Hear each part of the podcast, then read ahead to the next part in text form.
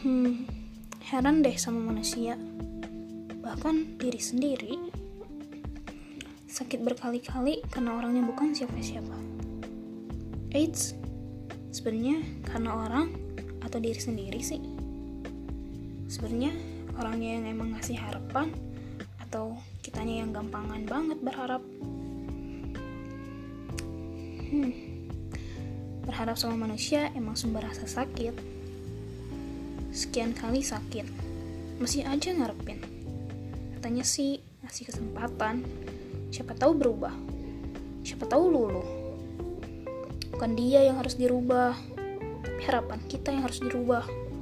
Harus sampai sehancur apa sih biar ngerti